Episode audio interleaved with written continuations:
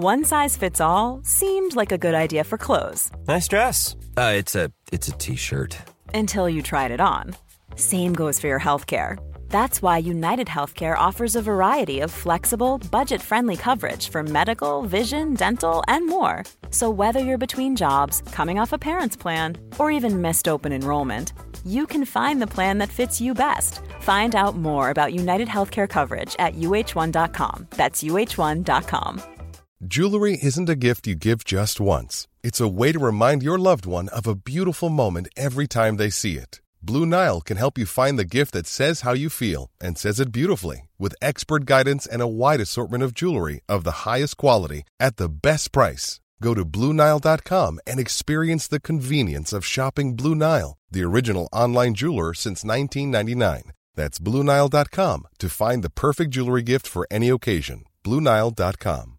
Quality sleep is essential. That's why the Sleep Number Smart Bed is designed for your ever evolving sleep needs. Need a bed that's firmer or softer on either side? Helps you sleep at a comfortable temperature? Sleep Number Smart Beds let you individualize your comfort so you sleep better together. JD Power ranks Sleep Number number 1 in customer satisfaction with mattresses purchased in-store. And now, save 50% on the Sleep Number limited edition Smart Bed for a limited time. For JD Power 2023 award information, visit jdpower.com/awards. Only at a Sleep Number store or sleepnumber.com.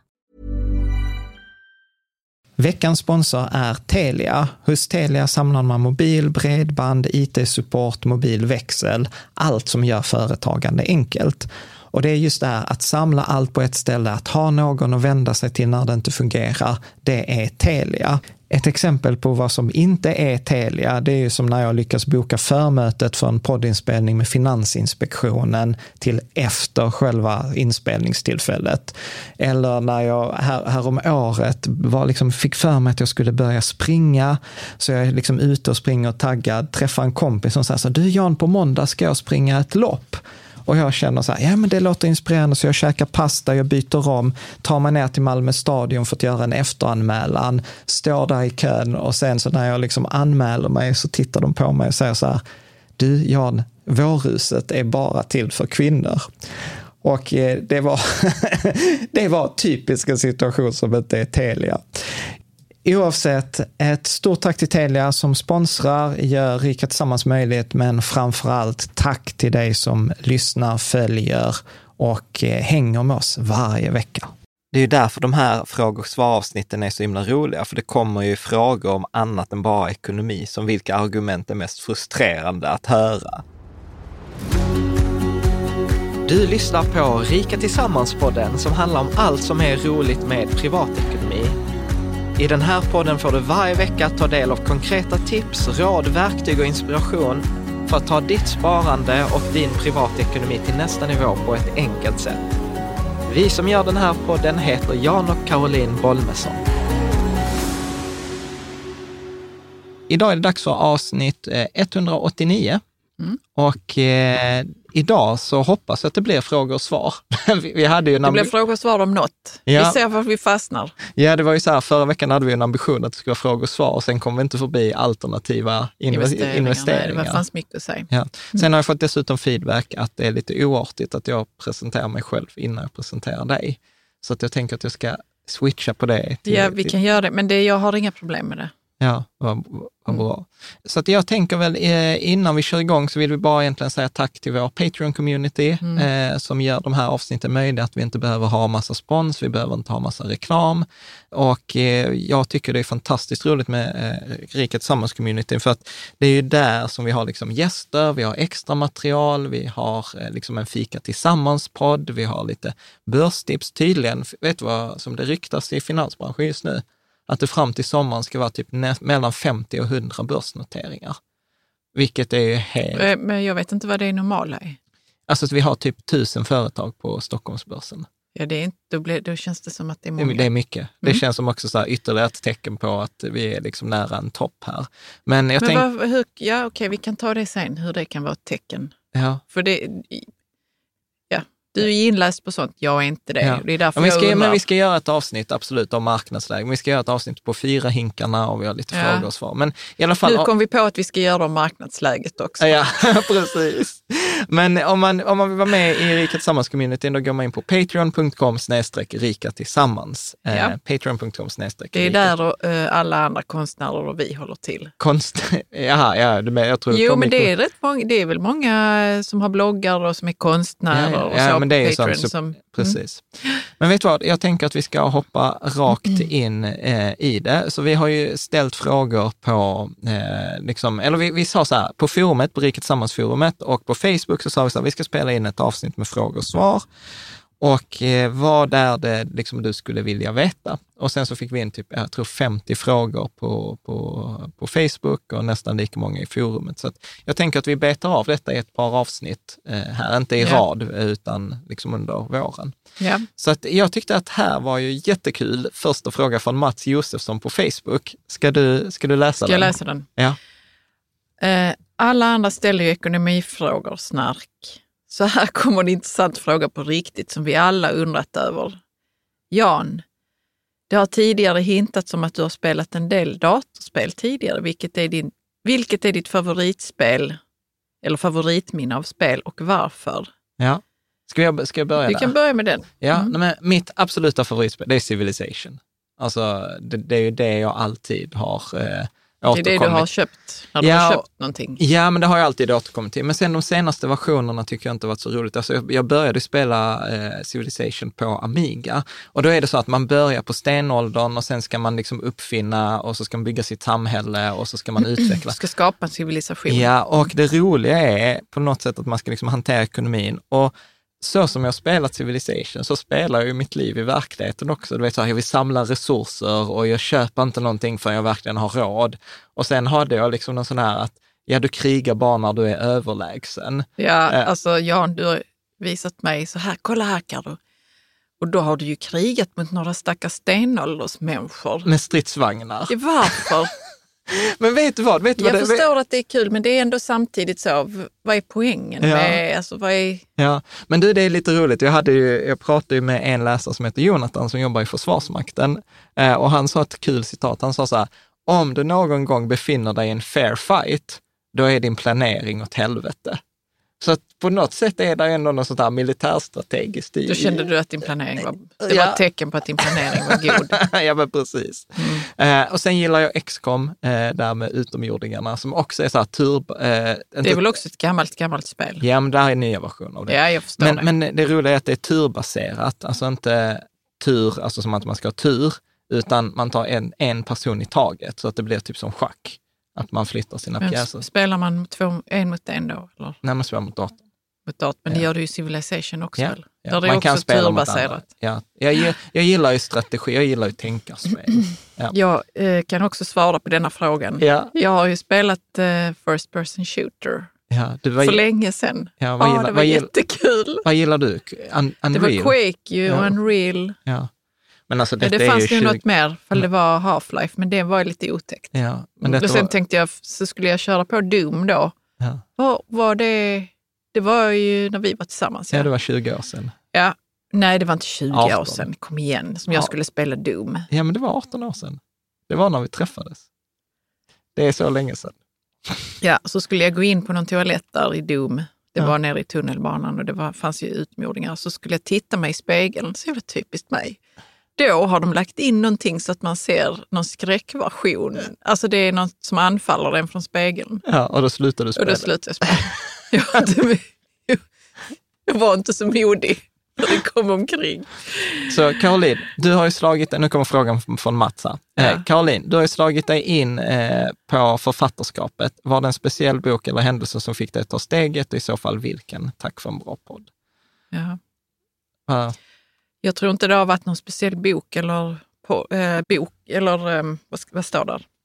Eller händelse. Tack för frågan förresten. Mm. Utan det har bara varit eh, alla möjliga stories från att jag var fyra och satt och kollade på film. Kapten Blod och sånt. mm. Men sen så var det ju någon film vi såg som hette... Åh, vad sjutton... eh, Kommer du ihåg den med utomjordingarna Jansson? Elin. Nej, inte Alien. Den är i och för sig ett mästerverk. Men Event Horizon? nej. Det är när utomjordingar kommer till jorden och det är någon som filmar. Liksom. Det är lite så, man ser det genom att någon Arrival? har filmat. Nej, det är nog också bra. Men det är någon sån här cloud eller ja, i alla fall. En bra film. Och sen så kollade jag på Youtube lite grann så hur man hade gjort. Och detta var ju för flera år sedan innan jag hade fattat att jag ville jobba med historier. Och sen så var regissören, hade lagt upp något klipp Ja. där han förklarar så hur de hade tänkt kring slutet och vilka, vad skådespelarna skulle göra. Cloverfield? Cloverfield. Ja. Och sen är det borta det klippet. Men jag var så, jag vill jobba med sånt här där man påverkar hur det känns när man läser historien. Ja. Eller får historien till sig. Så, och nu när vi ändå pratar om dataspel så tycker jag också det är kul hur man bygger upp ett dataspel för att liksom Ja. belöna spelaren och känna att spelaren är i en historia. Liksom. Det Ja. finns ju sådana game eh, writers. Liksom. Men det är sån, kanske ett annat liv. Ska vi gå vidare? Mm. Så ska vi ta en fråga här från Kristoffer eh, Ekfeldt på Rikets Sammansforumet. Ja. Ska du läsa? Jag och min sambo hade tänkt köpa vår första bostadsrätt i Stockholm. Vi jobbar ju där till hösten. Är det extremt dumt att köpa in sig nu då bostadspriserna är så pass höga? Vad hade ni gjort i vår sits? Hyrt lägenhet i andra hand, som är superdyrt, tills marknaden förhoppningsvis gått ner. Eller? Mm. Mm. Och sen har vi en fråga till från Anton eh, på Rikets Sammansforumet. Mm. Hur ser ni på läget på bostadsmarknaden idag? Uh, Jan, du ropade ju varg för några år sedan, men det, var, men det enda som har hänt är att det, att det har blivit dyrare. Jag och min sambo letar efter bostad, men de hiskeliga prisökningarna sticker iväg från våra investeringar. Vi kommer liksom inte ifatt nu med våra löner. Mm. Ja, Ja. alltså jag har ju fortfarande en syn på att eh, priserna i Sverige är extremt höga eh, på, på liksom bostadspriserna. Men, men jag tänker så här, alltså jag tänker ju så att man ska se boendet som en konsumtion. Alltså att man köper detta för att konsumera, man köper för att man ska bo där. Och de tipsen som jag brukar säga, det är så här att köp om du ska bo där länge. Om man, eh, om man ska bo där, eh, om man är rädd för bostadsbubblan, då kan man ju tänka sig att om jag ska bo där i tio år, då kan jag liksom ignorera bostadsbubblan.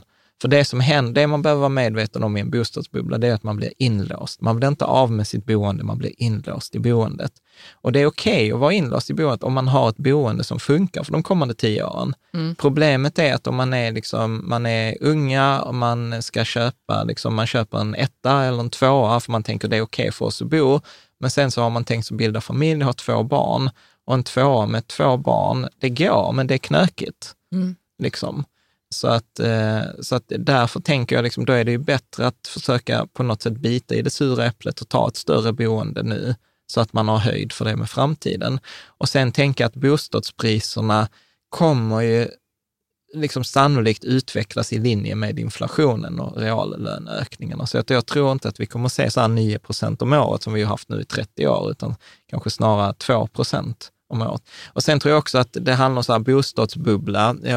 Vi hade ju på ett Fika Tillsammans-avsnitt, det finns inspelat så man kan gå tillbaka och titta om man är med på Patreon, med en analytiker, chefsanalytiker på ett företag som jobbade just med bostad och prognostisering. Och, och han var ju så här, nej men många experter, liksom när man pratar om bostadskrasch, så pratar man minus 20 procent. Alltså, Okej. så att jag, och det tycker du inte är så Alltså, mycket, eller? ja, det är klart att det är mycket. Alltså på 10 miljoner så, så är ju 20, 20 procent 2 miljoner, eller på 5 miljoners eh, bostad så är det ju en miljon. Så det är klart Mm. att det är jättemycket pengar. Men, men jag föreställer mig typ som börsen, alltså typ minus 60 procent, minus 50 procent. Mm. Men det, det, ha- hans tes, och många andra säger så här, nej men det kommer inte hända, för att vad som händer då det är att eh, liksom, eh, i, idag är bostadsmarknaden är inte privatpersonernas problem längre, det är för stort. Det är inte ens bankernas problem längre, utan det är statens problem. Så på det sättet så var hans spekulation var att liksom om det skiter sig på bostadsmarknaden, du vet så här, då kommer man öka ränteavdraget eller man kommer sänka amorteringskraven eller man kommer, alltså man kommer på olika politiska sätt försöka stoppa det här fallet, precis som man försöker stoppa fall på börsmarknaden. Ja. Eh, Och bostadsmarknaden är ännu mer relevant än eh, aktiemarknaden. Det är liksom en är det. viktigare marknad. Så, att, eh, så att jag skulle väl liksom rekommendera så här, skit i hur det, hur det är just nu, för att det är ändå inte en spekulation. Utan, och, och sen beroende, så liksom att se det som en konsumtion, att det är klart man kan köpa en bil eller en resa. En resa är ekonomiskt dumt, du går ju back. Men känslomässigt är det ju rätt. För att det skapar minnen, det skapar livskvalitet. Och sen tänker jag också så här, allvarligt talat, när vi pratar mycket om sparande och investeringar, vad ska vi ha med alla pengarna på Avanza och Nordnet? Och så här, om det inte är till saker som boende som de ska användas till. Det är som jag hade en samtal med, med Niklas, en av mina kompisar, som var så här att eh, nej men det var tufft under corona, deras företag fick inte så mycket uppdrag och så ska han ändå inte använda bufferten. Nej. Och så var det så här, men alltså om inte detta är ett tillfälle att använda buffert, när ska du använda buffert annars? Det är, det är när man ser slutet, i, ljuset i tunneln. Då tänker man så, ah, men nu kommer snart affär. Där kom någon affär. Ja, nu kan jag använda buffert. Ja, För då känns det safe. ja så, att, eh, så att jag tänker... Nej, du har eh, rätt Jan. Ja, så, så tänker jag kring det. Sen att jag har ropat varg, ja, jag, jag tycker ju fortfarande samma sak, men man blir inte så belönad för att ropa varg. Nej, Eh, liksom. så att, sen så jag faktiskt, jag ska, kan lägga ut en länk eh, på forumet, hade en länk kring det här, att det finns rätt mycket spännande forskning på hur folk ser på sin investering, att man kan se sitt boende som en eh, oändlig eh, räntefond som man får liksom en, en utdelning för i form av boende.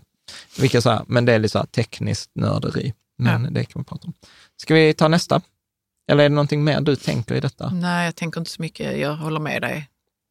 Att Ja. eh, boendet är konsumtion. Ja, ser man, man det se som, det på annat vis än att det skulle vara ja, liksom investering på något sätt. ja. Mm. Och sen så brukar jag också säga att det andra tipset för de som är rädda för bostadsbubblan är ju att här, satsa på er relation.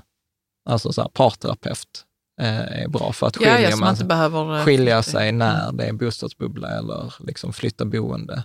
Det, Mm. det, är det, det är ofta där det blir ekonomisk katastrof Mm. för, för många. Eh, bra. Annars så brukar jag alltid tänka på den där personen på forumet som skrev, skrev så här, kan inte den där jävla bostadsbubblan komma nu så jag kan köpa mitt boende? Ja, Eh, så liksom. kan det nog kännas. Men, men, men det, är, det är en svår tillgång att spekulera i, så därför Ja. så här, se det som en konsumtion så blir det mycket lättare. Mm. Mm, bra. Pontus Kraft på Facebook. Ska du läsa nästa fråga? Mm, han undrar, hur är det att varje vecka leverera nya avsnitt utan att få någon semester? Ja, vad säger du Caroline? Alltså det var ju, i början tyckte jag nog det var sjukt eh, jobbigt. Och sen så läste man om sådana här influencers som bara, vi får aldrig semester, det är alltid jobb och sånt. Så tänkte jag, ja men det är det, för det är det jobbet vi har valt. Ja, Vi har valt detta jobbet och, och nu har vi väl vant oss. ja, ja. ja. Vi är ju inga semestermänniskor heller riktigt. Nej, inte på det sättet. Inte på det sättet, vi vill ju alltid jobba. Sen när man, när man har det som ett krav så Ja. kan det ibland vara jobbigt. Ja, då men är det inte kul. Men för det mesta är det ju kul. Ja. Ja, men jag tycker också att det är helt, alltså så här, många frågar mig ibland så här, har, har ni inte brist på avsnitt? Alltså så här, idétorka.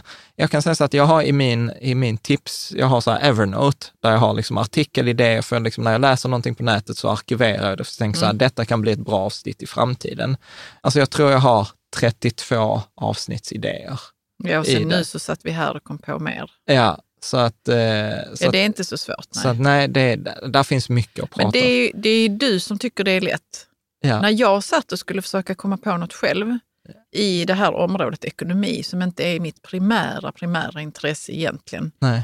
då var det jättesvårt för mig. För att jag måste också lägga det på en nivå där vi har en, en eh, ny vinkling på någonting. Ja. För det måste vara intressant. Det kan inte vara så att vi bara pratar gammal skåpmat. Liksom. Nej. Det vill ju varken du eller jag. Nej. Nej, så det är, Ja. det är du som är uh, idégeneratorn här. Ja, eh, så att eh, nej, men det, det, nej, jag tycker, jag, jag tycker det är kul. Så, Mm. så länge jag tycker det är Ibland kul. Så, säger du att du behöver semester. ja, precis. Men där är ju en hemlis är ju då att ibland när jag behöver semester, då gör vi typ ett fråga och svar-avsnitt eller en intervju eller något sånt. För det är mycket, alltså är det jämfört lite med mindre viss, jobb än att... eh, För vissa avsnitt kräver mer jobb. Ja. Ja, men som till exempel ofta, till exempel nu när vi gjorde det här avsnittet om skicklighet och tur, Mm. det, eh, skill, paradox of skill, eller sånt, alltså, då behöver jag ofta först läsa boken och så Mm. ta anteckningar i boken. Jag behöver, liksom, jag behöver lyssna på en eller två föreläsningar från personen så att jag, jag fattar, för nu har jag läst boken och hittat det jag tycker är viktigt. Är det samma sak som den personen tycker är viktigt? Sen vill man ju gärna läsa någon replik på det där. Ja, någon Eh, annan, någon någon annan annans ving- åsikt Ja, eller nå- vinkling. Ja, Mm. på det där. Sen ska ju det designas till ett avsnitt med powerpoints och sen så ska det spelas in, sen ska det klippas, sen ska det skri- och ofta de typer av avsnitten, så de, de transkriberar vi ju inte, utan då måste jag ju skriva avsnittet. För Eh, att det och- ska vara ett flow i läsandet. Ja, precis. Eh, så, att, så att det är, alltså det tar dagar att producera de här eh, liksom, avsnitten. Så, att, eh, så att de är ganska omständiga, men medan en intervju är ofta ganska lätt, för då behöver man ju bara läsa på om personen liksom, och Ja. ämnet. Mm. Bra. Ska vi ta... Anders L på Rika Tillsammans-forumet undrar, har någon av er, Jan och Caroline, någon anställning vid sidan om allt det jobb ni lägger ner på Rika Tillsammans? Om ni inte har, hur många år sedan var det ni slutade? Nej, Jag vet vi inte har var du inte... någonsin började. Eh, nej, alltså så här, jag har faktiskt eh, aldrig haft en formell anställning. Det är klart att jag har haft anställning i juridisk mening, men jag har ju ofta varit delägare i bolaget eller det har varit mitt bolag eller eh, liksom någon, någon Mm. variant. Så jag har ju aldrig varit formellt anställd någonstans. Jag vet inte om det var min mentor som sa till mig också så här, Jan, du är totalt oanställningsbar, så det är lika bra att du kör eget. Så att eh, det har jag väl gjort. Varför var du oanställningsbar? Vad var det som eh, Ja, men han har, menade då? Ja, Men jag har ju så mycket åsikter om saker. Jag vill ju ha saker på mitt sätt. Så ibland är jag en ganska dålig lagspelare. Mm. Eh, utan jag vill ju liksom, jag, jag ställer ju höga krav eh, på det där. Eh, Det är intressant för när man, är, när man har höga krav, då är man ibland en dålig lagspelare. Ja. Jag känner också att jag är det. Och sen så när jag då väl är i lag ja, och kan gilla det på något vis så måste man kompromissa så mycket så att det liksom, man kan ligga lite sömnlös nästan Ja. över hur, Ja. det, hur vad heter det? Inte dåligt det blev, men att det blev liksom inte så bra som det kunde bli kanske. Och sen är det ju så, jag, den, den man ställer högst krav på är ju sig själv. Mm. Liksom ofta. Så att jag, ja, nej men det är ju inte, det är inte en sanning. Alltså jag har ju haft personalansvar och det, det har gått bra. Liksom. Men jag, jag trivs ju inte i den rollen. Jag, jag är ju sån här ubåt. Liksom. Jag vill kunna sitta, sitta själv under ytan och så jobba, jobba, jobba och sen kommer jag upp ur, ur, över ytan. Och då vill jag gärna visa upp mitt jobb och då vill jag gärna ha beröm. det ja, och då vill jag gärna ha beröm för det jobbet. Och sen går jag tillbaka under ytan, jobba, jobba, jobba. Eh, så att det är väl liksom, ja. Mm. Men visst kan jag ibland vara fascinerad, alltså särskilt när jag träffar folk som jobbar i finansbranschen, som till exempel jobbat i London eller i city eller liksom Mm. så här, eller i New York, så blir kan jag bli lite sugen så här, hur hade mitt liv varit om jag hade tagit det där jobbet på McKinsey? Eller eh, om jag hade, jag vet inte om jag hade gått in i investment banking, för jag hade inte det intresset då. Men eh, jag tackade ju nej till McKinsey, eh, vilket var ju Du, sånt du sa att drama. du hade eget företag. Ja, jag sa till Du McKinsey, skulle bara kolla hur det gick Ja, med dig precis. innan du Jag- jag- liksom, jag sa ju på- Ja, på du bara, på vi här- behöver inte dig, så tänkte nej, de då. Nej, de sa så på McKinsey, sa de så här, om inte du prioriterar oss så prioriterar inte vi dig. Nej. Eller något sånt. Vilket Ja, är så här, fair, fair. fair, fair enough. Absolut, liksom. Det var absolut. respekt. Mm. Respekt till, till, till McKinsey. Men det hade varit ett helt annat spår. Så att nej, jag har aldrig, jag har aldrig bör- börjat på den där. Jag har drivit företag i, ja, 2001 tror jag, eller 2000 startade jag min första enskilda firma och sen blev det aktiebolag 2008. Mm. Sen dess. När slutade du på universitetet? Jag jobbar ju på Lunds universitet. Först pluggade jag 2000 till 2004. Ja, sen Sen doktorerade så jobbade jag lite på labb och sen så doktorerade jag till 2011. Och sen så var det liksom lite ökenvandring för det fanns ingen forskningskommunikatör. Ja, Det fanns inte forskningskommunikatörtjänster då som jag ville ha. Ja. Men nu finns det ju det. Det är ett viktigt jobb. Ja. Men sen så började jag väl 2014 tror jag. ja, Eh, och hade, jag- hade nog eget företag då också, ja, för att eh, jag ville hjälpa människor, andra människor att kommunicera, att förpacka sina budskap. Men du var ju på Lunds universitet till typ 2016? Ja, 2017. 2017 och då Ja. jobbade jag också med kommunikation. Ja. Alltså jag var inte superbra på det då. Det var så mycket att lära sig. Ja, nu är jag lite bättre, men då jobbar jag också lite så här med TED och så för att... eh, men du arrangerar ju TED, Ja, TEDx. TED. Och det var jättekul. Det var då också jag förstod det här med att jag vill nog jobba med Kommunikation. ja, men historier. Ja. För att jag sa till alla våra talare så, du måste använda storytelling. Ja. Och vissa tyckte det var en bra idé, andra tyckte inte det. Ja. De var allihopa forskare. Ja. Så det var liksom eh, en skön uppförsbacke. Men jag, jag tycker de är duktiga. Ja, de var det är duktiga. många som har tagit till sig kommunikationsmetoder liksom, som Ja. kanske inte är helt intuitiva för Ja. dem. Ja. De forskar ju. Ja, ja, Ja. absolut. Har ett annat jobb. Ja. Så att, eh, och det var ju vårt mål i många år. Det var ju lite vårt FIRE-mål. Det var ju inte att gå i pension, utan det var att jobba tillsammans, jobba hemifrån, ha vårt eget företag. liksom, ja, absolut. Men det har också varit svårt, tycker jag. Ja, ja, ja. Det, är, det har varit svårt i början. Ja, det är ju fortfarande klurigt. Ja. Eh, Nu bara ville du gå vidare. Vi Ja. kan säga att det är lättare nu. ja, Så slutar vi där. På den positiva not. bra. Detta är från Björnen på Ja, nu Rika, kommer en annan fråga. på Rika Tillsammans-forumet. är det annorlunda nu? Det känns som om du det senaste året har börjat ifrågasätta flera av Rika Tillsammans grundläggande mantran. Du ser det nog inte som marknadstiming, men för läsare och lyssnare kan det vara som att du har dragit dig mer åt någon slags timing förutsägelser. Har du fått nya insikter senaste året? Det vore intressant att få höra din syn. Och så citerar han där jag själv har skrivit, till exempel forskningen visar att det är väldigt eh, tydligt att den som är mest passiv, minst engagerad, den som låter sina pengar jobba i fred över tid har bäst odds för att tjäna mest pengar. Rör inte pengarna på marknaden, bla bla. Ja, saker som jag brukar säga månadsspar automatiskt eh, och regelbundet. Om jag minns rätt ifrågasätter du även i det senaste avsnittet rimligt att det månadsspar i nedgång. Nej, Men egentligen har vi inte ändrat på, Nej, vi har på någon inte av de grunderna och vi är, tror inte att man kan förutsäga marknaden eller Nej. tajma den heller. Nej, nej, så att nej, månadssparande är skitbra. Det, det jag däremot har börjat lägga till när det gäller månadsspar, månadsspara inte för mycket. Eh, och det var ju Erik Strand, insikt jag fick från Erik Strand, där han är så här, alltså om du månadssparar 20 000 i månaden, tänk om det, ja men det finns, Gör det. ja, men det det vissa finns, som gör det. det ja. finns folk som det gör finns så. de som har Ja. det som lön, Jan. Ja, jag vet. Som inte kan ligga under Nej, men jag, bara, 20 jag, 000. bara, jag bara drog till med Ja, någonting. ja, ja. eh, Liksom. Och då tänker jag så här, men då kanske det är så här att du kanske ska gå ner i arbetstid och spendera mer tid. Alltså tiden kommer inte tillbaka. Mm. Och, och Erik Strands poäng var så här, ja men om du dör och har mest pengar på kyrkogården, har du verkligen prioriterat rätt i livet? Det beror på. Ja, så att, så att, så att det jag har lagt till Lämna är... efter dig ett stort arv. Ja, precis. Ja. Men, men så att där ifrågasätter jag, liksom, jag ifrågasätter inte månadssparande, men jag ifrågasätter liksom så här mängden av det.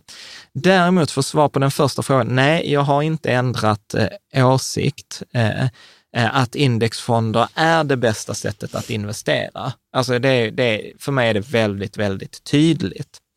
Problemet som jag börjat ifrågasätta är missar jag någonting? Har jag blivit fundamentalistisk i det här indexsparandet? Indexsparande, och detta är, detta är ju så här, Daniel Nilsson och Jonathan och JFB och några som har satt griller i huvudet på mig på forumet, som är liksom eh, väldigt eh, duktiga, där, där vi pratar om att indexfonder är en metod.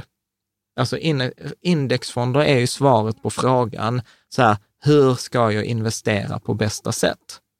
Så här, är du med? Men det förutsätter redan att jag har tagit beslutet att jag ska investera i aktier, till exempel. Mm. Är du med? Mm. Så att vad jag har börjat nu lite ifrågasätta, och jag har inget svar, det är att om jag tar steg bakåt, okej, om jag nu väljer att investera i, i aktier, då gör jag det med indexfonder en fondrobot, globala indexfonder. Men tänk om förutsättningarna har förändrats. Det vill säga att investera med indexfonder är att göra rätt sak. Eh, förlåt, rätt sätt. Det är rätt sätt hur jag gör någonting. Men tänk om hela grejen att göra indexfonder just nu är fel sak. Mm. Och, och det, som, det, som, det som skaver för mig lite, det är ju så här att värderingar är ju väldigt höga i dagsläget. Alltså, och, och, och där är ju liksom en matematisk verklighet som heter så här, ju högre värderingar idag, desto lägre framtida avkastning. Men för att genom att ha en hög värdering idag, det är det som att du har flyttat pengarna från framtiden till idag. Så det betyder att du kommer ha lägre avkastning över tid. Och, och ju högre värderingarna går, desto lägre blir den här framtida avkastningen. Och då är jag så här, är det verkligen rätt att då sätta in alla pengarna nu? Och det kan ju precis låta som en marknadstimingsfråga. Men återigen, jag är inte som att ta ut pengarna och vänta på kraschen. Det är ju inte det jag säger, men jag, jag, jag struggle, eller vad man ska säga. Jag, Kämpar med. jag kämpar med att få ihop de här, de här disparata sakerna, alltså indexfond. Det kan inte vara bra att vara fundament, bara säga, nej men jag skiter i hur marknaden, vilken värdering marknaden har idag, för det känns inte heller rätt. Det känns inte heller rätt att liksom titta på forskning som säger så här, små bolag tenderar att gå bättre än stora bolag. Bolag som har en stabil, alltså värdebolag, går bättre än tillväxtbolag. Nu har ju värdebolagen varit billiga i förhållande till övriga bolag. Och, och då känns det också så här, är det rätt sak att ignorera? Så att det är mycket där. Jag tror att detta är lite så här, ju mer man lär sig, desto mer inser man att man ingenting kan. Ja, så det känns jobbigt helt plötsligt här Ja. när du lyssnar på detta. Det är, du bjuder in massa tvivel. faktorer och tvivel, ja, Ja. som- och det gillar inte jag. Nej, och, men och då bör man också återkomma ihåg, detta tror jag egentligen är en följd av att vi har forumet. Och forumet så är jag mycket mer ofiltrerad. Så där, där är jag ju mycket mer att jag ställer frågor, medan om man tittar bara på avsnitten, som vi gör i poddavsnitten, så är det inte alls samma tvivel. Då Nej. säger jag så här, kör fondrobot, kör de här basportföljerna.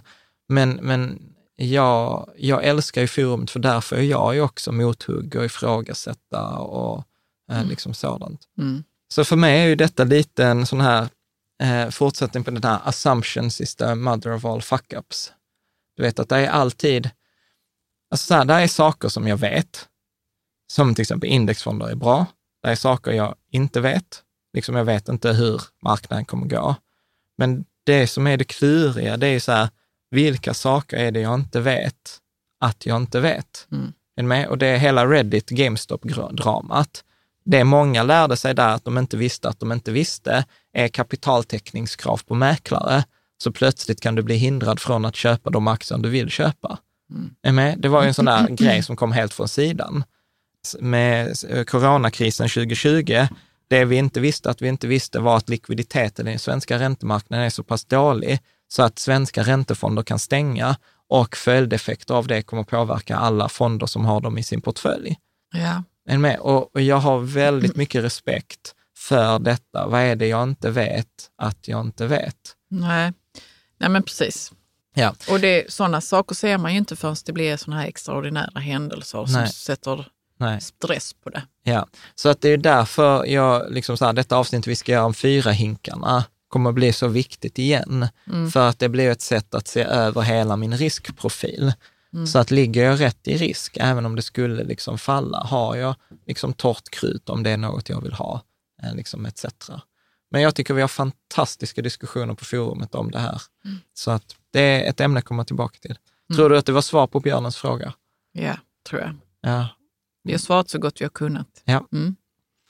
Eh, Ska du läsa nästa från Anton på Rika Samhällsforumet? Mm. Tycker du att det är värt att köra 100 aktier på Lysa och sparkonto istället för till exempel barnportföljen på Avanza? Varför? Eh, jag tror att det beror på person. Om man har kompetensen, kör globala barnportföljen, eh, man gillar den, kör den. Men majoriteten som lyssnar på vår podd har ju inte det intresset.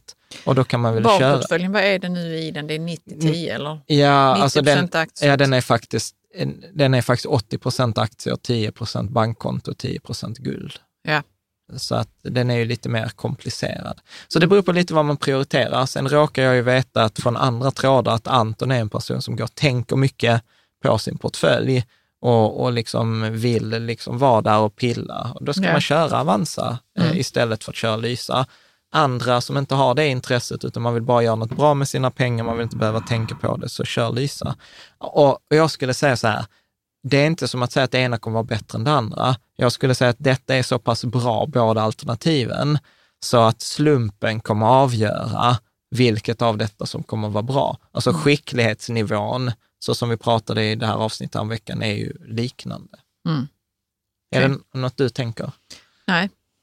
Okej. Ska, ska vi ta nästa fråga från Olof Tapper, också Ja. från Rikets Samhällsforumet. Kanske kan du förklara varför så många ifrågasätter Lysa för, av olika anledningar. Jag har 100% aktier på Lysa men har inte alla mina pengar där utan också på en, ett bankkonto. Så det är ju egentligen inte 100% om man ser till helheten. Men jag har Lysa för att det är enkelt och de fonderna kan jag inte själv sätta ihop. Sen ifrågasätter folk avgiften på Lysa, att den är för hög. För du har ju rekommenderat dem för att de inte har så hög avgift. Hade varit trevligt med lite klarhet i detta. Tack. Mm. Vad tänker du? Eh, vilka är de här som ifrågasätter yeah. avgiften på Lysa? Jo, men det, det, det, är ju folk som optimerar på avgift. Alltså jag vet ju, vi har ju... Men kan man komma lägre? Eh, Vad ja. har nu Lysa? De har 0, Totalavgift är 0,4. Ja. Då är det avgiften till Lysa och för fonderna. Mm. Gör man det själv, jag vet ju att till exempel Jacke på forumet, som han älskar ju sin eh, liksom, Länsförsäkringar Global Indexnära och sin eh, plus alla bolag. Så han kör 50-50, två fonder eh, och gillar liksom låg avgift. Eh, så att då, då kan man ju liksom ifrågasätta, är det värt att betala 0,2 till för Lysa? Jag själv har ju långt innan Lysa kom sagt att eh, tumregel är max betala 0,4 procent för en avgift, eh, för en fond. Max 0,4 procent eh, för en fond i avgift.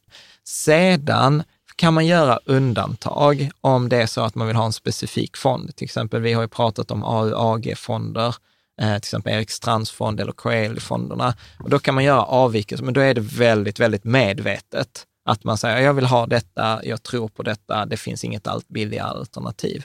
Så jag tycker inte att Lysa är, är hög, utan den är under 0,4 procent och det tycker jag är okej. Okay. Och, eh, och sen vet jag inte, alltså, jag tror att många ifrågasätter Lysa för att man inte har någon, något utrymme att göra något variant. Alltså står det, man kan inte, så här, du kan välja om du vill ha brett eller hållbart, sen kan du välja din aktiefördelning. That's it. Och, och, ibland så gillar man inte det, utan då vill man ju välja själv och då, då är ju Lysa kass. Men kan det vara så att man har ifrågasatt massa saker med fondrobotar för att, fast det är egentligen annat som stör en? Ja, det kan vi ju inte veta, men nej. för mig låter det så att man hittar grejer som man kan racka ner på. Ja. För att uh, man gillar inte själva idén eller man vill... Ja. Men ofta så blir liksom det ju så här, inte... när något är bra, så kritiserar man detaljer. Yeah. För så upplever jag också till exempel nu att vi hade ju detta bonusavsnittet här med, eh, liksom här om veckan med, nej förlåt, vi hade avsnittet om tur och skicklighet, Paradox of Skill. Och liksom de flesta kommentarerna vi fick var att Ingmar Stenmark citat, ju mer jag tränar, desto mer tur har jag, var inte alls taget så som jag tolkade det, utan det var mer typ ett sarkastiskt svar till en journalist som hade betett sig lite dumt. Så det var det som var feedbacken i det. Eller att det var jante, ja. Ja, och det var det som var feedbacken. Och, och då tänker jag så här, ja men det är klart att jag inte har koll på, alltså så här, jag upplevde inte att det var mest relevant för det avsnittet. Det var inte det som var poängen i det avsnittet. Med? Och lite mm. samma sak med Lysa, att det är lätt att ta sig så här, men de har 17 procents exponering mot Sverige. Jag vill ha 0,8 eller 10. Men du vet, det blev på en sån nivå, slumpen kommer avgöra om det ena var rätt eller det andra var rätt. Mm. Eh, liksom, så att jag tror att man kan liksom hitta massa grejer. Och så här, jag har ingen beef, eller vad ska man säga, så här, det är ingen naturlag att man måste välja Lysa för sitt sparande. Utan för mig är Lysa, som jag har sagt, så här, Lysa är ju som Super Mario. Han är så här, han är okej okay på, på det mesta och inte bäst på något. Och, och, och en generalist, det är ju det som jag tycker jag vill ja. jag vill ha. Ja. Jag tycker också så här att om man vet varför man har tagit ett beslut var man ska sätta sina pengar. Alltså man har ingen skyldighet att förklara det för någon annan varför Nej. man gör det. Nej. Det tycker jag är, är det härligaste. Ja. Du behöver inte säga att den avgiften där är för hög eller ja, men de har varit eh, fel exponering, bla bla bla. Du kanske bara har tagit ett annat beslut. Ja. Behöver inte förklara för någon egentligen, mer än för sig själv. Ja, precis. Nej, men jag, jag, vi gillar ju Lysa, vi har mycket pengar på Lysa eh, och där är liksom så här fördelar. Jag tycker det är fördelar med det. Mm. Eh, och, så, och vi har pengar på Avanza och Nordnet. Så att yeah. där är ingen, eh, gillar liksom så här. Och det ska jag säga, vad jag brukar rekommendera till folk, då brukar jag säga så här, men lägg in lite pengar på Lysa. För att om, om man lägger lite pengar någonstans, då har man ändå ett intresse av att följa det. Och då kan man säga att man har en portfölj på 100 000. ja men lägg 10 000 på, på Lysa och så kör 90 procent själv. Så kan du alltid benchmarka. Mm. Liksom, så kan du alltid jämföra dig. För att poängen är ju ändå om du ska välja det själv, då måste du ändå ha ambitionen att det ska ge, vara bättre än det du har på Lysa. Och det som är så skönt med Lysa är ju så att du kan sätta pengarna på Lysa och sen är det ju typ noll i tid, noll i engagemang, noll i kunskap. Alltså du behöver inte göra någonting, men medan så fort du gör på Avanza eller Nordnet, då måste du ha tid, du måste ha kompetens, du måste tycka det är kul, du måste lägga ner liksom effort. Och då menar då måste ju det slå det som är helt effortless. Ja. Ja. Eh, Bra. bra. Ska vi ta Daniel på Rikets Samhällsforumet? Mm. Han undrar, hur blir det med kryptovalutor eller bitcoin till portföljerna? Det blir ingenting, Daniel. Jo, Eh, inte i mina portföljer. Nej. jag, jag, jag, jag gillar ju... Eh, Det känns som en sån där grej som man ska ha för att man ska hänga med lite. ja, Ja, Du kommer helt från mitt håll. Liksom. ja. Just nu har vi inte en krona i det, så det Nej. ska vara så här. Jag är ju för det, men,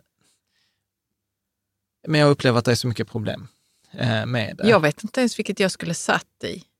ja, Det är ja. för mycket såna här eh, konstiga valutor Ja. där ute. Alltså, vi hade ju Och det beror ju på att jag inte, att jag inte har satt mig Ja. in i det. ja, vi, hade ett avsnitt, vi hade ett avsnitt med Totte Mm. Löfström. Och det på- var jättekul och intressant. Ja, och sen var han med på en Fika Tillsammans Ja. tillfälle, så han finns, han finns med i Fika Tillsammans-podden också, Ja. eh, för dig som är med på Patreon. Alltså det jag upplever är så att, ja, man kan ju ta till exempel via en sån här tracker på Avanza eller något sånt här, men om man ska äga det själv så blir det så mycket risk. Hur ska man välja? Det är mycket volatilitet, eh, liksom, eh, eh, etc. Å andra sidan så gillar jag ju sprida liksom, ja, diversifiering Ja. eh, liksom på det sättet. Så att jag tror att jag behöver liksom bara sätta ner foten vid något tillfälle och, och så börja ta lite, alltså typ månadsspara, alltså dollar cost average, att man månadssparar in eh, i... Hur mycket tänker du då att du ska månadsspara in inom bitcoin? nej, men jag tror att till eh, början blir det, till, nej, men till början blir det väl liksom eh, lekhinken. Så vi börjar med kanske 25-30 000, eh, liksom. Och så får man... Vad? Nu, jättebra. Varför 25-30 000? Ja, men det är väl liksom Varför tänker första- du så? Att för det, är det då man kan se liksom vad det går för? Nej, men jag I behöver- vår, I vår ekonomi får man väl ja, säga. Ja, men det är för att det är en väldigt liten summa i vår ekonomi, så då kan jag börja där Mm. utan att det liksom eh, stör. Förstår du? Så, så får man ju det apropå få intresset att följa det. Liksom. Ja, för om du hade satt 5 000 hade du inte haft intresse att följa det sen, eller är det Nej, så? tyvärr så är det ju så. 5 000 för mig är för lite pengar. Ja. Alltså, jag köpte ju GameStop-aktier. Alltså för, Du köpte en, jag köpte fler Vad- sen. Men men de hade gått ner, Jan. Jag förstår att du köpte då, men du tänkte så att de kommer gå upp. Men det är inget som säger att de kommer gå upp. nej, men det var en låt. Du vet, hela den här, eh, vad ska man säga, festen Ja, var över på något vis. ja. Eller men, vä- vänta här nu, är det idag som det kommer att avgöras? ja, det pågår Om ju festen fortfarande. är över? Ja, så här, för, festen är förmodligen över. Eh, Finansbranschen vann. Alltså, sorry. Men det var, det var inte oväntat. För att den hade gått, för GameStop hade gått ner så mycket så ja, att de folk, kunde ändå folk liksom... fick panik. Folk fick panik, sålde. Så att, eh, Varför fick de panik? För att det började gå ner. Ja, och då må- bara sålde Ja, de. Ja, så jag folk- visste att detta Folk skulle fick, ske. folk fick panik och eh, Varför köpte du fler, Jan? Vi sa en. ja, ja men alltså, det var inte så mycket pengar. Hur mycket var det? 5 000 till kanske, Hur många köpte du? fyra eller fem. Men låg, okej, vad låg de då på? Du måste göra Hu- Hundra, dubbelkolla matten här. Jag sa 100 någonting, 100 dollar någonting. Den första köpte vi på typ 380. Ja. Så grejen var så här, jag tyckte, jag tyckte så här, ett, det är kul, det kommer alltid vara ett minne från, eh, de kommer få ligga kvar i portföljen som ett Ja, minne. ja, det kan de göra. Eh, och, sen, och sen så var jag så här, det var en asym ett asymmetriskt bett. Och så här, okej, jag kan förlora 5 000 spänn, vilket jag förmodligen kommer göra. Samtidigt var så här, om de hade rätt, alltså att det skulle bli en short squeeze, Mm. då var det ju liksom, okej, så jag hade en förlust på 5 000 spänn och en stor uppsida. Ja, och sådana bets kan man ta. Liksom. Ja. Vad? finansbranschen vann. Finansbranschen vann. Vet, vet du vem som vann mest? Vilket är så här stökigast eller störigast? Det var ju de här mäklarna. Alltså Robin Hood och alla de som liksom köpte och förmedlade aktierna. De tjänar, jag tror de tjänar 500 miljarder. Jag tror det. Eller, för, nu vet jag inte om det var miljarder eller... Jo, nej, så här, 483 miljoner US-dollar. 5 miljarder har de tjänat på Fem den. miljarder kronor. Ja. Mm. Och då Bara är det på avgifter bara och sånt. ja. avgifter. Mm. Så förlorarna i detta är som Men de hade också lånat pengar och lite sånt där ju. Så Ja, de Robin behövde- Hood, ja. De har betalt av det. Ja, det vet vi och- inte. mm. Det vet vi inte. Så att, eh, nej men jag tror, jag tror att det kommer komma någonting. Men man behöver återigen, och det kommer inte vara några stora summor, jag tror inte ens vi kommer komma upp till liksom 1 procent av portföljen. Utan, eh, Till, till eh, kryptovalutor. ja, inte nu i alla fall. Nej. Utan jag gillar det Ray Dalio sa det. Han sa så här, se det som en option på en framtida store of wealth som du kan förlora 80 procent på. Så att det är väl liksom återigen ansvarig behöver man vara. Det är inte en rekommendation att köpa bitcoin, men Nej. bra. Ska vi ta nästa fråga? Karl, 8 på Rikets sammansfond. Ja. Hur ser framtiden ut för fondrobotarna? Hur bra kommer de att bli och hur kommer de att utvecklas 5, 10 eller 20 år? Hur, hur kommer aktiefonderna att utvecklas på den tiden också? Hur ser framtiden ut för den som arbetar med aktiv placering, fonder etc. inom utveckling på båda ovan? Ja, alltså jag brukar ju säga så här, lyssna aldrig på någon som uttalar sig om framtiden, för att Nej. det är sämre än att singla slant.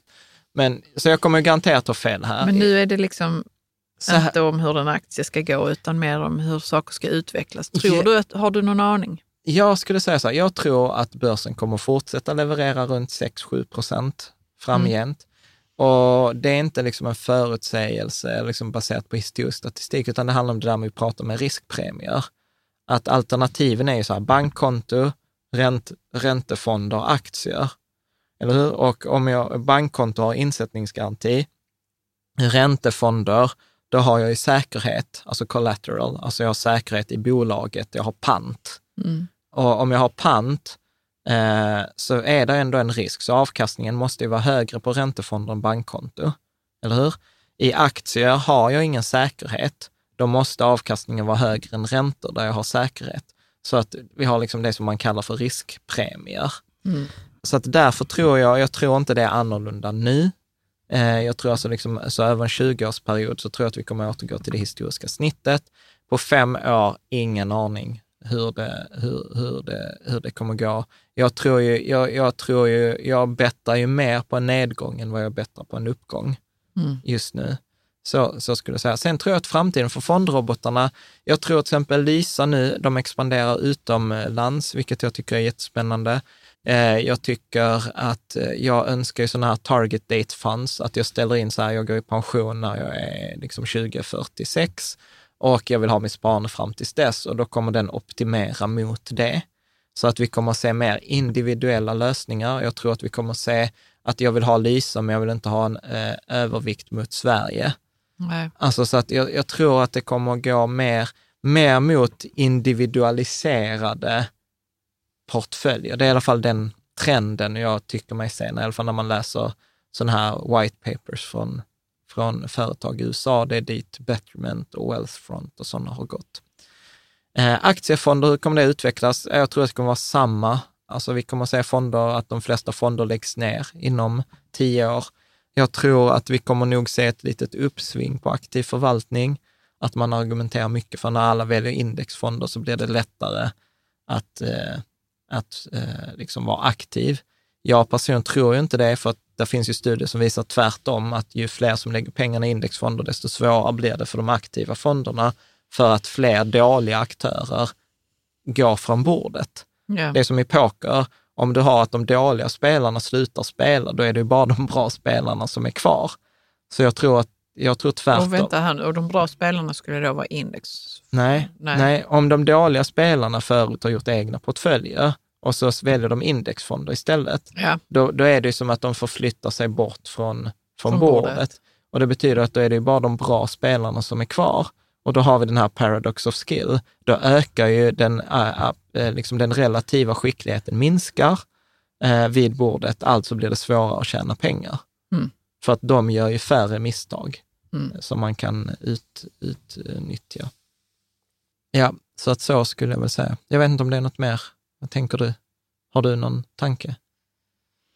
Nej, jag, bara, jag bara tänker, är de, inte, är de inte tillräckligt skickliga nu redan? Vilka? De här aktiva, de som är skickliga på... Jo, jo, men det är fortfarande, det är fortfarande men det, jag tror det är fortfarande mindre än 20 procent av alla världens pengar som är placerade i indexfonder. Mm, Men ju mer pengar som hamnar i indexfonder, desto, det blir ju som att man plockar bort en spelare. Liksom. mm. Mm. Ja. Make sense, eller? ja, kanske. Ja. Okej, Night Owl på Rikets Sammansforumet. Du läsa? Vilket argument för aktiva fonder som presterat x procent mer mot indexfonder är mer, mest frustrerande att bemöta? Jag Jaha. tycker detta är en jättekul fråga. Tack, ja, Night Owl. tack. Detta är jättekul.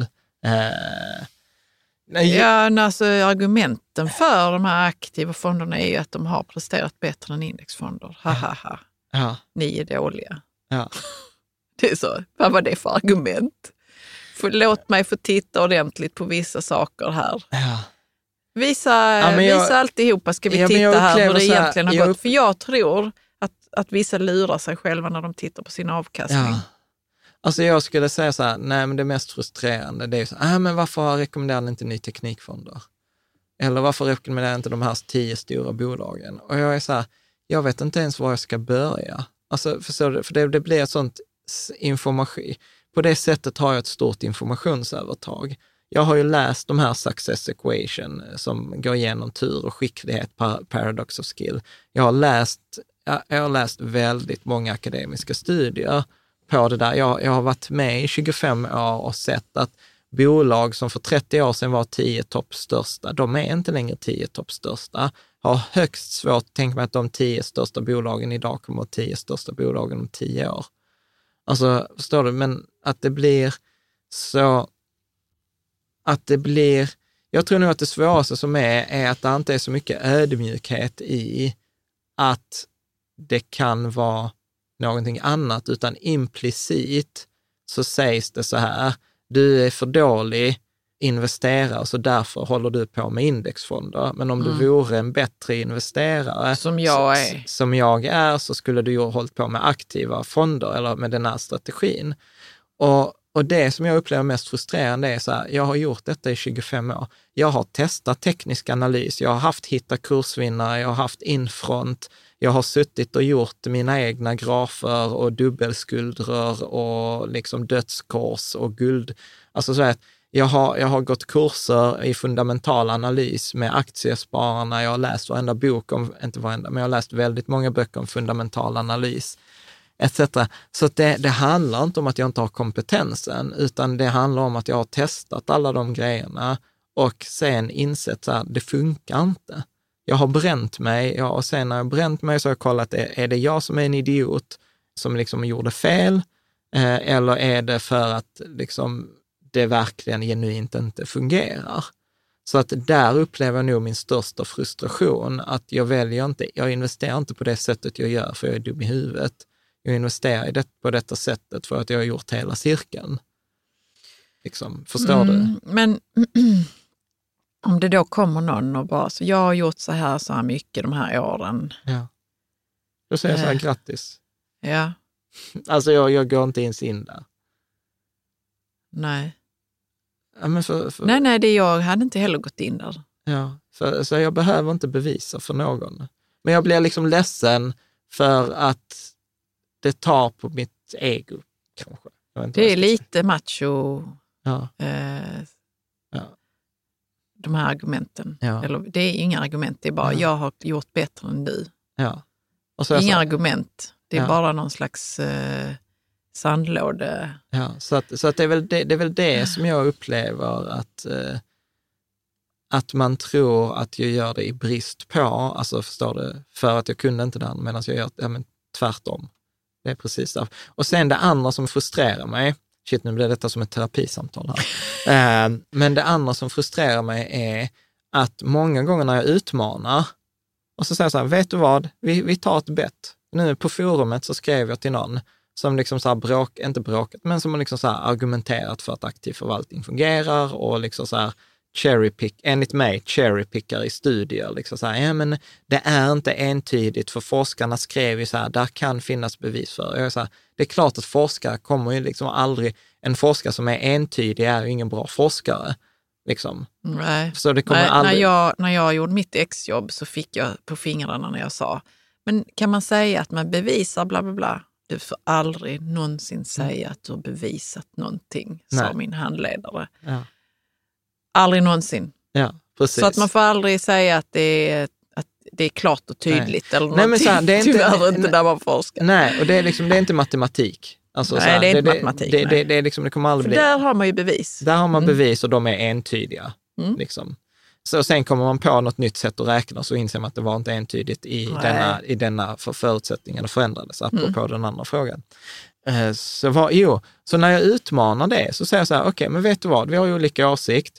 Låt oss köra så här, 15 år, vi, slår vad, vi kan slå vad 50 000 spänn. Mm. Så att det blir liksom på allvar, inte att vi investerar, men liksom förloraren får betala 50 000 till en välgörenhetsorganisation som, den, som vinnaren får välja. Mm. Vilket är för mig, liksom så här, det är väl ett ganska schysst bett.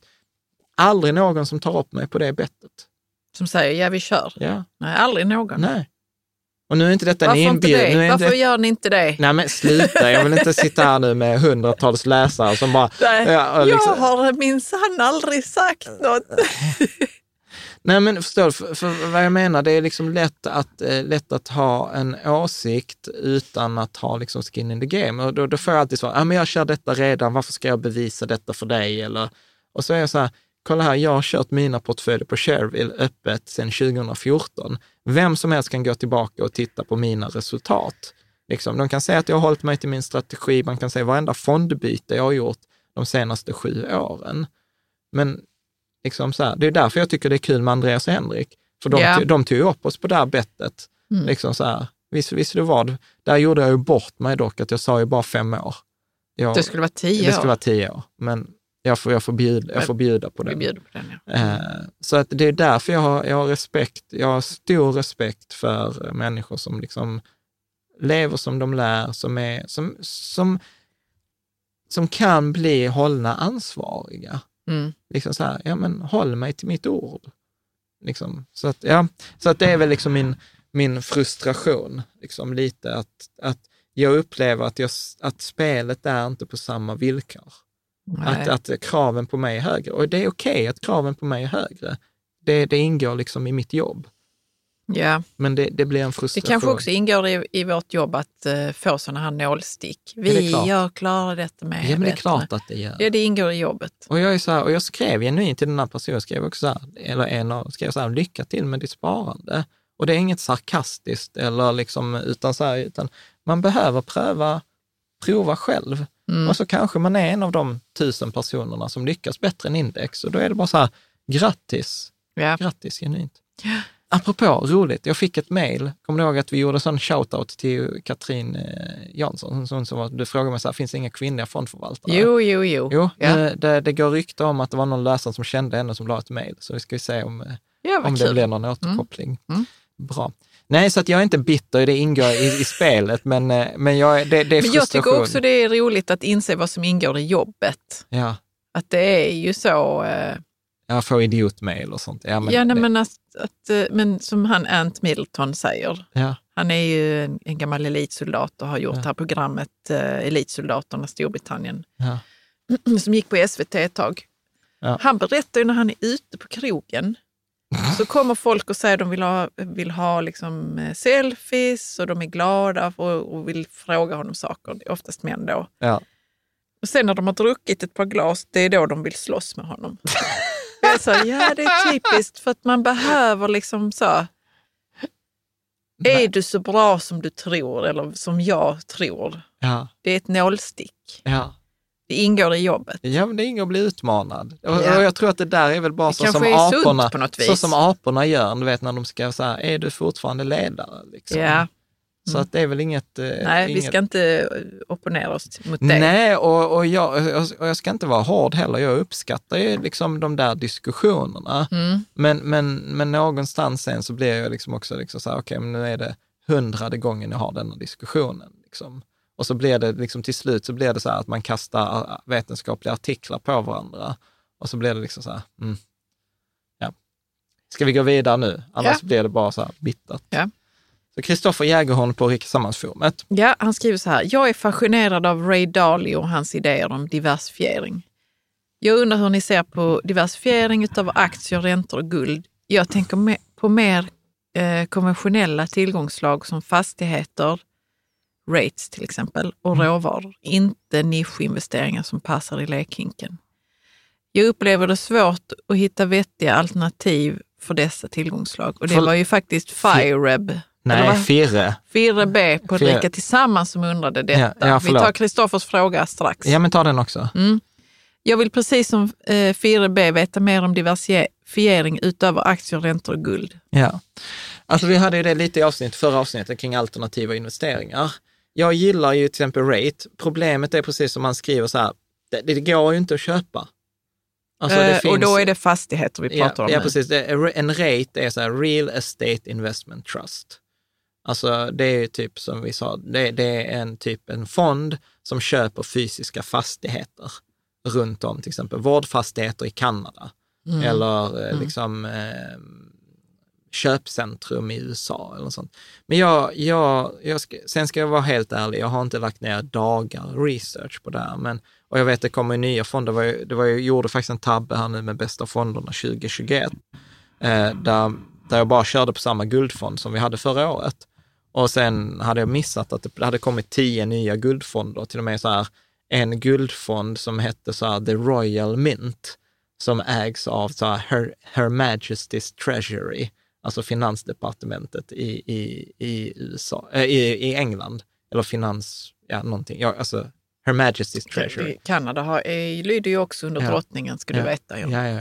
Det kan vara Kanada. Nej, men detta är London. Eh, vilket var så här jättekul. Så att där händer ju saker hela tiden och jag följer ju inte marknaden på daglig basis.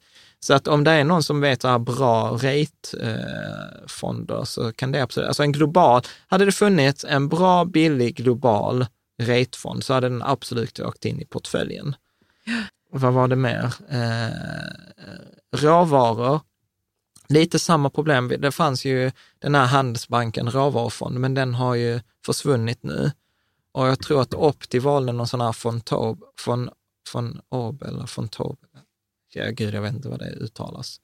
Så att jag tror att det handlar, liksom, jag gillar det, men det är brist, det är svårt. Det är svårt att få en bra exponering.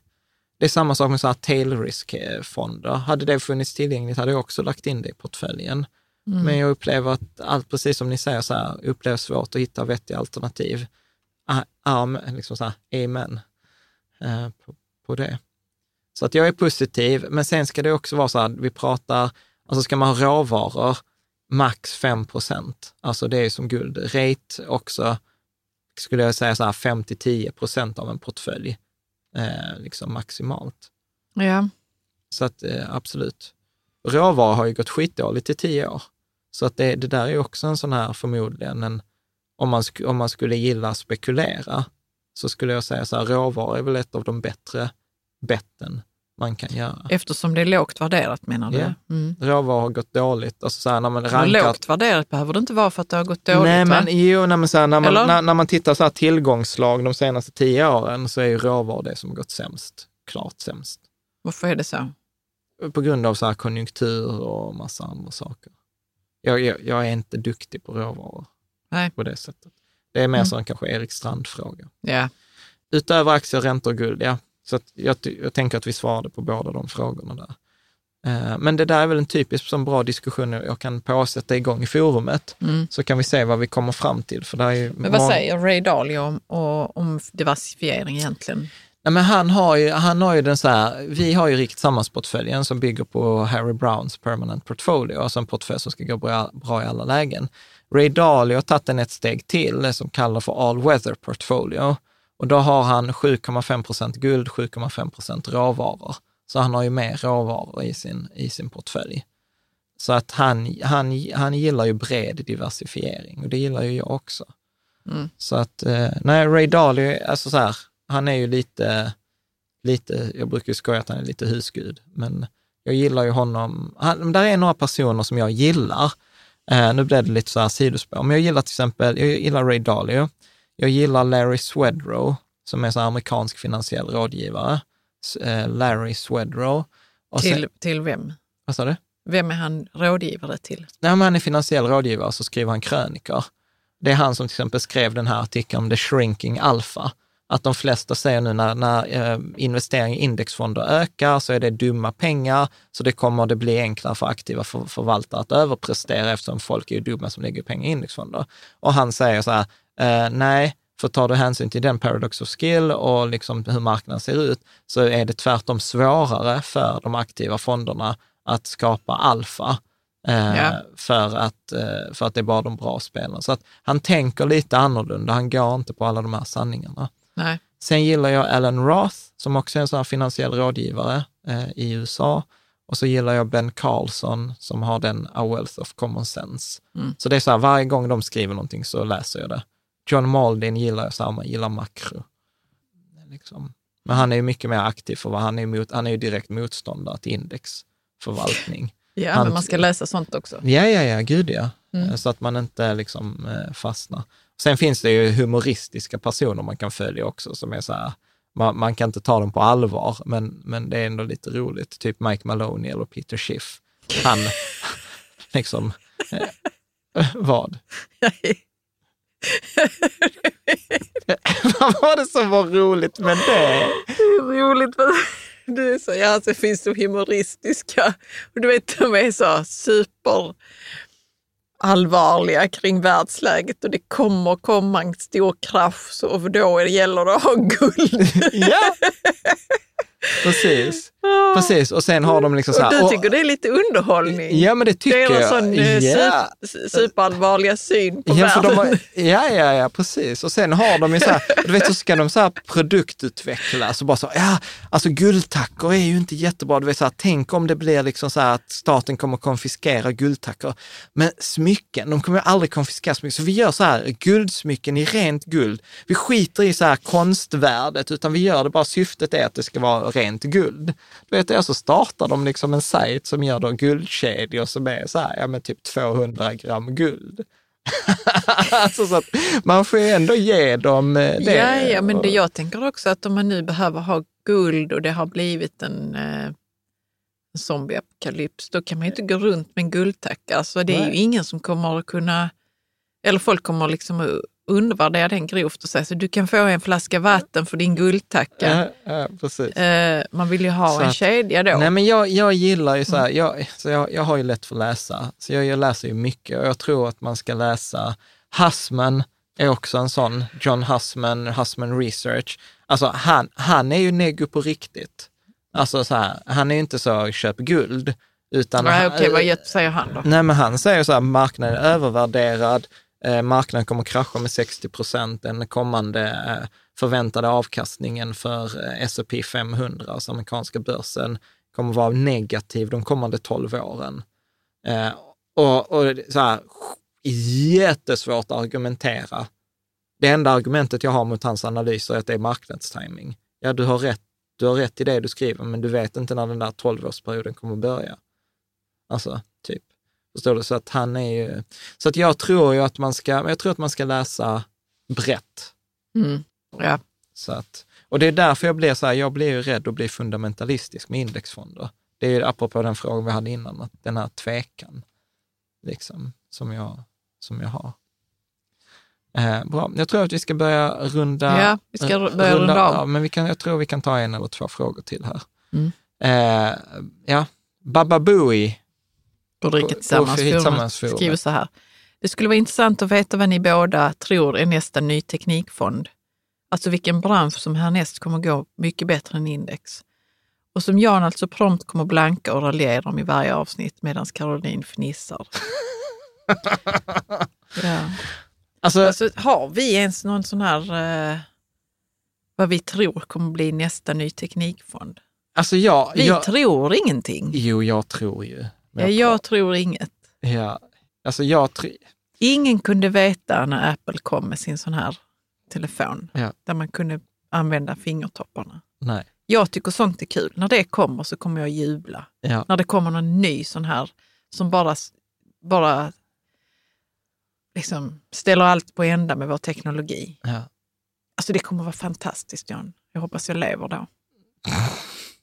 Typ Neuralink. Ja, Ja, typ som- Neuralink. Som, eller, Ted- som eh, eller du vet sådana här små flygande bilar som man bara liksom säger i en app, så jag behöver den nu om en minut. Så bara kommer den som en sån liten blob liksom. Du, ja. utanför staketet här. Så bara hoppar man in och den kan inte krocka för det är liksom bara skitmånga sådana i luften. och alla åker och det är liksom, och vi har, eh, vi har liksom, ja, det är vi behöver inga bilar, det är bara sådana man åker i, som Okej. är ljusblå blobbar. Okej. Ja, det är ju jätteroligt. Det hade varit helt sjukt Okej, att leva när de kommer. okej. Ja. Så vad tror du är nästa nya te- teknik från dem? Vad jag tror, alltså så är jag ju sugen på blanka Tesla. alltså genuint. Eh, liksom. Ja, men Ja men gör det, de är övervärderade absolut Jan. Men du vet att jag har ju dem. ja, jag vet. Så det är som att eh, det blir jättekonstigt i vårt äktenskap om du ska blanka dem. Varför det? Jag vet inte. Alltså du vet att Michael Burry har, eh, har blankat dem nu. Sen december. Jag vet inte om han är kvar i sin position. Du vet vem det är? Michael, Ja, jag vet vem det är. Det är han. Det är han som spelar trummor i, som är lite autistisk och... eh, som, som eh, förutsåg eh, Finans. finanskrisen Ja. i eh, filmen eh, vad heter Get, eh, Big Short. Big Short. Du vet också att Tesla är värderat mer än alla andra biltillverkare. Och att, och att försäljningen är värderat på 1,6 miljoner dollar per bil. Alltså du vet, alltså för mig är det... Men är det inte sådana konstiga uträkningar man har gjort för att liksom visa hur absurt det är? Jo, såklart. Såklart det är. Men eh, jag vet inte, jag får väl liksom hitta modet och, och. Ja, Jag, Tesla kan vara en sån här GameStop som bara rullar på under lång, lång, lång tid och ingen vet när den kommer gå ner. Eller hur? Folk har ju blankat den i evigheter. ja. ja. Men eh, ja, Babui, det är svaret på din fråga. Så, så här, mest, det som du kommer att fnissa åt och som jag är helt övertygad är helt knasigt, det är Tesla. Alltså, jag vet, jag, jag, du vet, alltså, du vet, jag blir nästan provocerad. Det är inte det som han frågar här, eller hon, hen. Det skulle vara intressant att veta vad ni båda tror är nästa ny teknikfond. Jag pratar om mina flygande bilar, du pratar om Tesla. Okej. Vi svarar inte alls på frågan. Det står så här, och som Jan alltså prompt kommer blanka och raljera om i varje avsnitt. ja, men det har du redan raljerat om. Okej, nej jag har ingen aning om Vem sånt. vill du, med- vad vill du mer blanka, John? Eh, nej men det är bara den. Det är genuint. Mm. Genuint den. Alltså så här, om jag skulle gå på mina känslor, blankat Tesla, tagit ut eh, en del pengar från aktier. Det, det, jag ska vara helt ärlig, nu kommer jag inte göra något av det, för att jag liksom inser det dumma i det, men känslomässigt så är det det som liksom så här, drar i mig Mm. eh, att göra det. Eh, sen är jag helt okej med att köpa Tesla när det har kraschat. Eh, liksom. Men eh, ja, vi, vi ser. Bra. Eh, vi, hade egentligen bara två frågor kvar här, så vi tar dem. Ska du ta en fråga? Ja, Niklas på Rika Tillsammans-forumet skriver, varför tar det sån tid när man köper och säljer fonder? Vad händer under den tiden? Detta har jag också undrat. Mm. I vissa fall kan du ligga utanför marknaden i flera dagar innan en order bokas in. Kan det vara så att orderflödet säljs under tiden på en skuggmarknad? Vi har ju pratat lite om det. Jag tror inte detta är att orderflödet säljs. Eh, det, vi kommer göra ett helt annat avsnitt om det. Det, det är ett ganska komplext eh, ämne. Vi pratade lite om det i, i Reddit-avsnittet om eh, GameStop. Mm.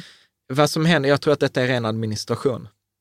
Eh, alltså Men hur då- kan det ta så lång tid? För det görs eh, halvmanuellt. Alltså vissa sådana saker. Skojar Vissa system mig? har... Nej men, alltså så här. Vem, var, vet, var är handpåläggningen egentligen? Alltså tänk så här. Alltså så här, mäklaren, du har Avanza, så jag lägger säljordern. Sen ska den skickas till fondbolaget.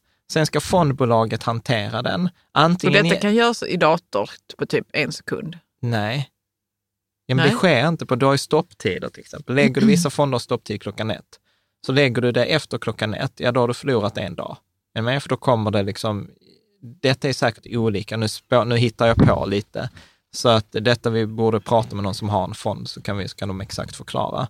Men så, så okej, okay, så pengarna, pengarna liksom går då från till exempel Avanza, liksom, så ska det gå till fondbolaget, sen ska fondbolaget exekvera det. Sen äger fondbolaget kanske aktier eller någonting sådant, de har inflöde, utflöde. I bästa fall kan de ju kvitta inflödet mot utflödet, att bara byta plats på andelarna. Är du med? Ibland så kan de inte ha de stora inflöden, ja då kan de inte kvitta eh, någonting, utan då måste de ju köpa de aktierna, men så är kanske inte den marknaden öppen just då. Nej, nej, det, eh, det förstår jag. Ja, och sen, och sen ska ju det skickas tillbaka till Avanza och så ska det registreras hos Avanza. Liksom så, så att jag, jag tror att det är den, den admin, jag tror att det är en administrativ grej. Sen är det säkert att det är helt datoriserat, men det måste ändå stämmas av, liksom att det, att det, blir, att det blir rätt. Mm. Så att jag tror att det är liksom det. Och sen kan man inte utesluta heller att vissa sitter kanske på pengarna en dag eller några timmar. Eller liksom, alltså Varför vill de göra det? Ja, men för att... Titta på dem? Ja, nej men jag, jag vet inte, jag ska inte spekulera i det. Nej. Bra. Ska vi ta sista frågan? Mm. Erik, Skuggstomten på Rika Tillsammans-forumet. Vilka tillgångar samvarierar historiskt inte med börsen i främst Sverige? Till exempel skog, vissa råvaror, vissa typer av bostäder, vissa typer av ränt räntor, andra fysiska regioner i världen, pantburkar och så vidare. Jag tycker detta är en jättespännande fråga som är jättesvår. Alltså det som dyker upp för mig är så här långa räntor. Långa räntor brukar vara eh, motsatskorrelerade mot, eh, mot svenska börsen. Eh, det är väl min sån typisk, här, man kan kolla AMF, eh, svenska börsen, så tar man till exempel Stockholmsbörsen och så tar man AMF räntefond lång. Så brukar de vara lite olika. Jag, jag skulle väl säga så här, skog, alltså reala, vissa reala tillgångar eh, samvarierar mindre. Men grejen är så här, man måste tänka på så här, när börsen faller så brukar ju det ofta vara ganska ekonomiskt svåra tider och då yeah. tenderar det dra med sig allt. Alltså folk är inte lika sugna att lägga massor av pengar på sportbilar eller konst eller sånt heller. Förr i tiden, eh, liksom tittar vi förra året, så var det ju så att till exempel eh, brittiska börsen gick ju helt åt andra hållet än svenska börsen, har jag för mig. Eller om det var de hundra största bolagen eller något sånt här. Så att, eh, Varför det? Ja, jag vet inte. det är helt sjukt. Ja, Detta att, har jag inte hört om jo, innan. Vi pratade om det, hur gick börsåret 2020? Jag kommer inte ihåg det, mm. att brittiska börsen gick annorlunda. Ja, jag tror att den gick mycket sämre. Så att, eh, jag, jag... Ja, men vänta här nu. Vi, vi hade en börs som gick dåligt här. Nej, vi gjorde ju typ Jo, men det gick ner. Det Nej, gick ner. svenska börsen gick ju upp med typ 14 procent förra året. Jo, men om vi bara tittar på coronan, ja. så satte den ju igång ett ras och sen så tog den sig upp igen. Men ja. hur såg brittiska börsen ut? Jag vet inte. De slutade, jag tror att de slutade på noll eller back till och med. Ah, okay. Mm. Ja, Ja. Så att jag tycker att detta är superklurigt. Eh, om jag ska vara helt eh, ärlig. Så skog eh, upplever jag mycket mer prisokänsligt på det sättet. Råvaror brukar ju tendera gå upp. Alltså tittar man, tittar man, alltså jag skulle nog rekommendera Erik titta på det här avsnittet med Dragon Portfolio, drakportföljen. Mm. Eh, för där hade man ju just... Hundraårig eh, portfölj. Hundraårig portfölj. Det som, det som inte samvarierar, det är till exempel det här VIX, alltså volatilitetsindex. Men då är vi tillbaka på det där att det är jättesvårt att köpa sig ett volatilitetsindex. Eh, alltså typ VIX, eh, det med tail hedge. Vad? Ja, precis. Ja. Har vi lämnat det för gott, gumman? Eller Jan? gumman. för att jag säger gumman hela tiden till våra barn. Ja. Och ibland säger jag Jan till dem. Ja. Har vi lämnat det för gott, det här med tail... Eh... Tailhedge. Nej, men det var en sån där bra idé, skitbra idé, skulle gärna haft det, går inte att göra praktiskt. Om man inte har jättemycket pengar? Var det ja, så? och inte ens Lysa fick ju svar från de här amerikanska Kan det inte vara så att de... Eh... De har för lite pengar. Ja. Nej, säg. Eh, men har Lysa gett sig? Jag vet inte. Nej. Jag vet, men jag vet att de tog kontakt och det blev ingenting. Liksom. Så att jag, jag skulle säga så att nej. Det betyder ju inte att det är kört. Nej, Det kan vara så att de, eh, det Men- kom i skräpkorgen eller Ja. något. Ja. Men om jag ska säga så här någonting till Erik, så här, jag vet inte. Detta är en liksom supersvår, liksom. Men det är ju därför vi diversifierar också ju. Ja, ja, ja. För det att ha sånt här som- eh, tillgångar som inte samvarierar med varandra. Men jag skulle säga långa räntefonder samvarierar sällan med aktier. Sen har man ju ofta Och guld, guld. som inte heller samvarierar. Alltså om man ska säga så här, nu hittar jag på, så detta måste man ju kolla upp, men jag skulle gissa att, att långa räntefonder har negativ korrelation, så de går motsatt. Guld har ingen korrelation, så att den går sin egen väg, eh, noll. Eh, VIX, eh, de här volatilitetsindexen, är också liksom samvarierar inte. Och råvaror samvarierar också ganska lite med, med, med aktier. Så att det är väl liksom det som spontant dyker upp för mig. Ja. Men, men det, det låter som en bra tråd för forumet. Mm. Snyggt, då rundar vi av här, avslutar. Eh, tipsa om eh, nyhetsbrevet. Vi har efter åtta månader skickat vårt första nyhetsbrev igen nu Mm. i februari, början av februari. Eh, så kan man gå in på riketsammans.se nyhetsbrev. Tanken är att det ska komma en gång i månaden, men jag vågar knappt säga det när jag inte skickat Nej, men vi kan inte säga att det gör det. det. Kommer, det det, kommer, det. det kommer helt och hållet oregelbundet. Ja. Så kan vi säga. Men man kan få ett nyhetsbrev när vi publicerar nya inlägg. Ja. Det kan man få. Då Det kan man få signa upp sig till. På. Ja, det finns också där på den sidan. Ja. Grymt! Lycka till med ditt sparande. Tack och, för alla frågor. Ja, Mm. och så ser vi om vi kör ett fråga och svar-avsnitt eller om vi klämmer in fyra hinkar avsnitten eh, snart. Ja. Grymt! Tack så mycket. Ha en bra dag.